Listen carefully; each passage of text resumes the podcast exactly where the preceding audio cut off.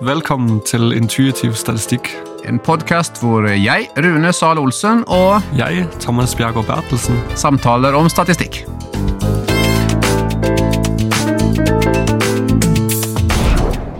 Thomas, liker du å lage mat?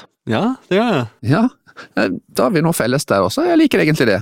Eh, Så lurer jeg jo av og til på hva jeg skal lage for noe. Så er det kanskje en idé, ja, jeg vil ha noe med fisk, for eksempel. Så da går jeg på nett, og så begynner jeg å se liksom noen forskjellige typer der. Så ser jeg på bildene på hva jeg liker, og så, ja, den har jeg lyst på. Og i noen tilfeller så kan man jo klikke på den, så kommer man inn på en nettside som beskriver hvilke ingredienser jeg skal ha. Så går jeg på butikken, og så kjøper jeg de, og så går jeg hjem og så lager. Så er det ikke alltid at resultatet blir helt sånn som eh, det var på bildet, da. Eh, Det kan jo handle om at eh, butikken ikke hadde alle varene, så jeg kjøpte noe annet istedenfor. Eller at jeg ikke helt fikk det helt til, da. Men eh, det blir stort sett greit. Ja. Og godt. Og jeg har liksom prøvd på noe, så jeg er ganske fornøyd allikevel. ja. Og det er jo det bedre å få noe mat som er godt enn ingenting, enn det er liksom å idealet eller ingenting. Altså, og det er på en måte det vi skal snakke om i dag i forhold til et ideal innenfor forskningsverdenen øh, i vårt felt, som ofte ikke er så lett å møte opp til, og, og ofte blir det ikke sånn som man tenkte. Og det idealet det er jo da det som heter randomiserte kontrollerte studier, RCT, som jo helt klart dominerer feltet når det gjelder å sette retning. For eksempel er jo alle Cochrane-rapportene basert på bare RCT-studier. Så er det noen utfordringer med RCT-er, og noen fordeler med det, og det skal vi på en måte snakke litt om i dag. Så ja, hva er dette for noe, RCT, Thomas? Ja, eh, randomisert kontrollerte studier. Hele ideen er det at når du vil undersøke om f.eks. en behandling virker, så vil du gjerne f.eks. når folk kommer inn til deg, du gir dem behandling, og så ser du om de blir bedre. Det kan jo si noe om det, men det kan jo være disse folk ville blitt bedre uansett. Eller det kan være det var noe spesielt med de folk som at de påvirker spesielt bra av denne terapi. Så du må sammenligne på en eller annen måte. Så dette er en annen gruppe, og de får en annen behandling. Men en kritiker kunne fortsatt tenke ja, men det kan fortsatt være det var en eller annen forskjell fra starten av mellom disse gruppene som gjør at din behandlingsgruppe får effekt, og den andre ikke gjør. RCT-en, eller randomisert kontrollert studier, den hjelper oss med å løse det her problemet ved at alle folk som kommer inn, de blir tilfeldige. Altså du, du slår og krone, eller du slår mynt om hva de skal eh, få. De blir tilfeldig fordelt til Altså at man ikke vet på forhånd. ja. Ja. Så forskeren vet gjerne heller ikke.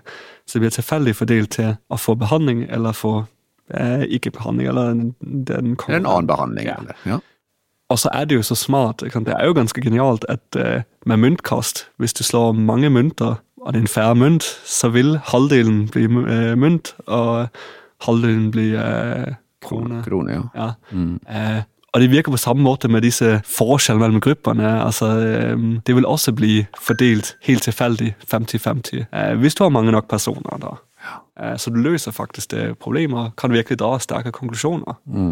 Eh, For, for man kan jo ellers tenke at ja, ok, eh, vi kan ikke bare sette jenter i den ene gruppa og gutter i den andre. Det er liksom ting vi da måtte vite, eller vi tar eh, bare gamle personer i en gruppe og små barn i en annen, og så får vi to forskjellige. Det er jo ting vi måtte vite. Yeah. Men her er jo ideen kaste mynt, er det sånn at eh, uansett om vi vet om disse tingene, som da kalles for confounders, eh, faktor som påvirker, eh, eller ikke, så vil denne mynten på en måte, den forholder seg jo ikke til ting vi vet, og forholde seg til ting vi ikke vet. Ja.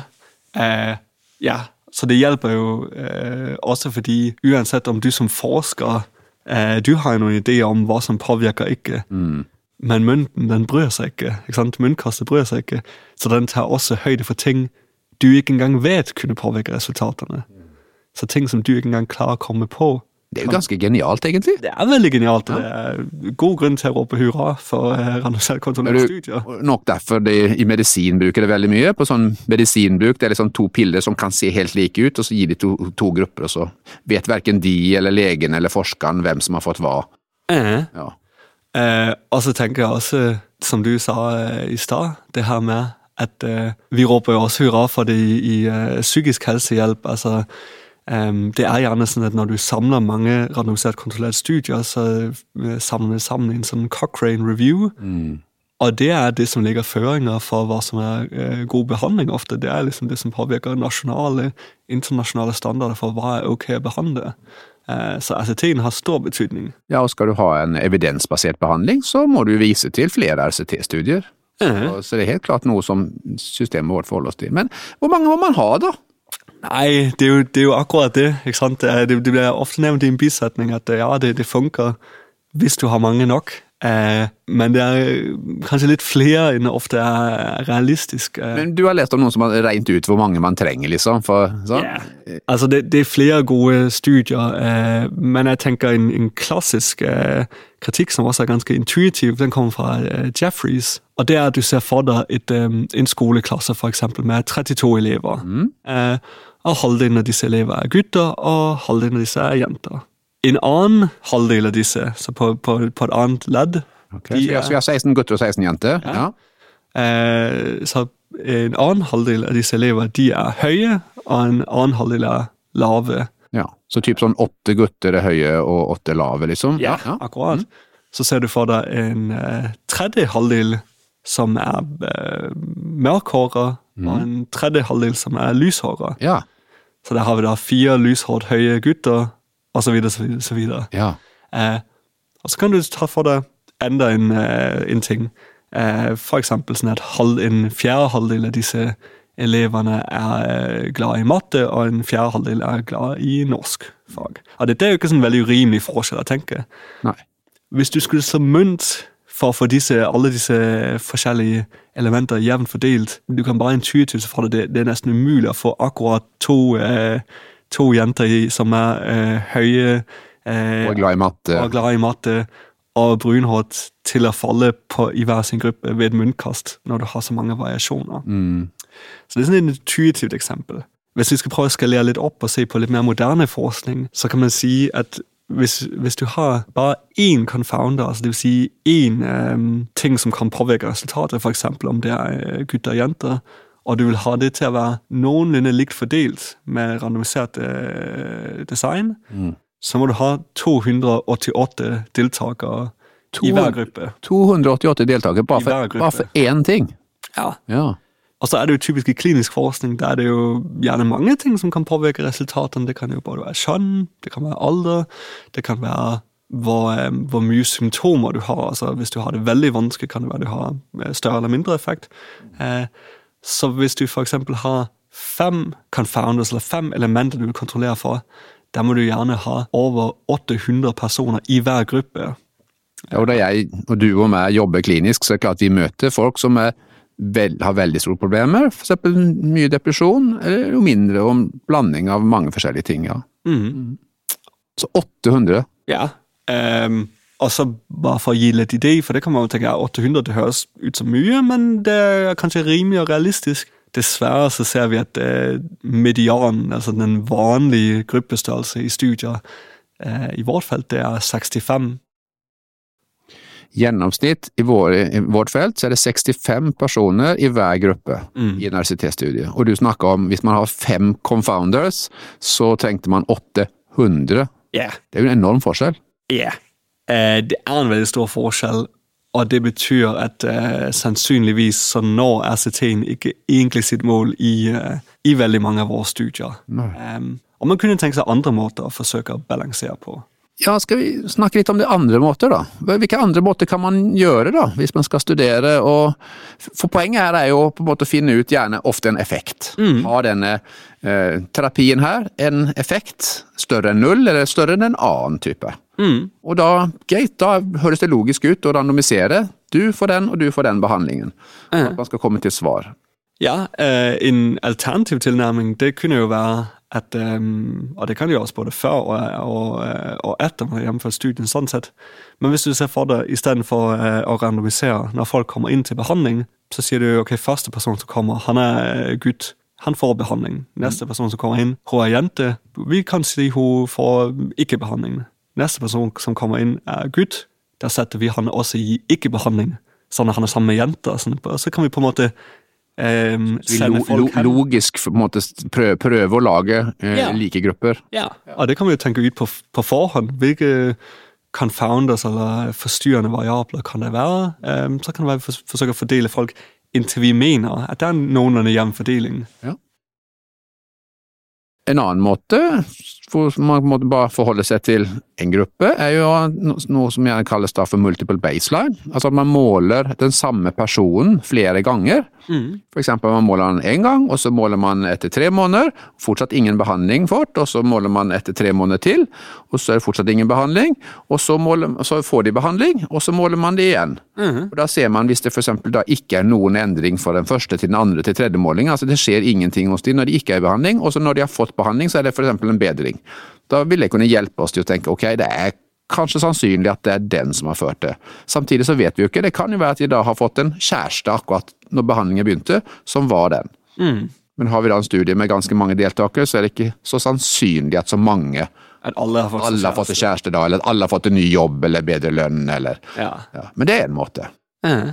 Og så tenker jeg at um, grunnen til det er litt greit å tenke på dette her, det er at ofte så er uh, eh, RCT, selv om den er jo god, det er jo bra hvis man får det til. Men ofte så er det litt vanskelig eh, når man jobber med klinisk psykologi eller jobber med mennesker. Mm. Um, fordi kanskje folk man tenker det er viktig at akkurat denne personen får behandling. Man syns det er liksom litt ugreit å slå mynt om, om de skal få behandling ikke. Man har forskjellige prioriteter. Og kanskje folk syns det er vanskelig å skjønne altså De som skal motta behandling, de forstår ikke helt konseptet. altså De tenker ja, men jeg får vel den behandling som er best til meg. Som man kan risikere uten at man vil det, men man risikerer å lure folk litt. At de tror de får best behandling, men egentlig så har de fått tilfeldig. Eh, så det er litt etiske betraktninger også. Yeah. Ja. Eh. Og hvis, definitivt hvis man tenker at man har to to ting man randomiserer mellom som man tenker at den ene er, tror vi er mye bedre enn den andre. Mm. Hvis man skal randomisere mellom to behandlinger man tenker er like gode, så er man ikke samme utfordringen. Men, eh, men ja. klart, så er det virkelig vanskelig også å rekruttere, da vi erfart på vår avdeling, virkelig. Det å eh, rekruttere folk til å si vi vil at du skal være med i en studie, eh, du må si ja til at du enten får dette eller det. Spør gjerne hvilken er best. Eh, det vet vi ikke ennå, det er det vi skal finne ut. Så det er vanskelig å si nei, jeg vet ikke om de vil være med. Så vi sliter litt med rekruttering, rett og slett, i forhold til ICT-studiet. Ja, eh, og så må jeg bare si for de som lytter med her, de ser jo ikke ditt fjes, men, men når du akkurat sa det, ja, hvilken er best og Ofte så har forskerne jo, når du gjennomfører studiet, så har du jo en anelse eller en hypotese at du tror det er grunnen til at den ene kanskje er bedre. Mm. Eh, selv om det skal jo ikke være sånn at du tester meningsløse liksom, superbehandling mot eh, ja, du får bare stirre inn i en vegg i ti uker, men allikevel så har man en idé om hva man tror er best. Og da er det jo litt vanskelig å si til folk nei, jeg vil ikke avsløre hva jeg tror. Det er jo også en slags lureri, og det kan være litt vanskelig å håndtere. Eh, kan det? Kanskje de plukker opp. Hmm, nei, nei, jeg vil ikke være med på det. Jeg vil ha Men du gjennomførte en, en annen type studie, hvor du skulle sammenligne ja, øh, jeg gjennomførte en annen øh, type studie, øh, som er jo kanskje helt i den andre retning. det var at vi, vi så bare på én gruppe som alle sammen fikk behandlingen. så det var jo superlett å gjennomføre. Alle fikk den behandlingen vi tenkte var best. Mm. Og så sammenlignet vi den med alle andre studier som hadde gjennomført en lignende type behandling. fordi vi hadde lagt litt ekstra på. ikke sant? Eh, og det ga veldig god mening, fordi vi gjennomførte en behandling som i utgangspunktet er ganske standard. Eh, dette var kognitiv atferdsterapi for angst. Det er på en måte på mange måter standarden for mm. angstbehandling blant barn og unge. Ja. Og så hadde vi lagt på litt ekstra. Vi hadde med noen lærere, vi hadde med litt ekstra foreldre. Eh, og så ville vi undersøke gir de da litt ekstra i forhold til alle andre. Ja, fordi at dere stoppet inn, eller så det at det også var, den behandlingen nådde til lærere og til foreldre også, mm. på en større ordning. Ja. Eh, og så så vi da på en måte om den effekt vi observerte lå eh, meningsfullt mye over det man vanligvis ser i andre lignende studier. Eh, og det var ganske mange studier. ikke sant? Eh, så det kan være en helt annen tilnærming hvis man har egentlig ganske mye eh, grunnlag for å undersøke noe, og man gjør små vri bare da trenger man kanskje ikke noen kontrollgruppe eller noen sammenligningsgruppe. Så da kalte man at man kjørte en benchmark, man mm. sammenligner mot uh, noe standard som er bra. Ja. Da er det tid for en uh, liten oppsummering, Thomas. Ja, i dag har vi snakket om randomiserte, kontrollerte studier, eller RCT-er, og hvordan de kan hjelpe oss med å forstå f.eks. For behandlingseffekt, altså om en terapi virker.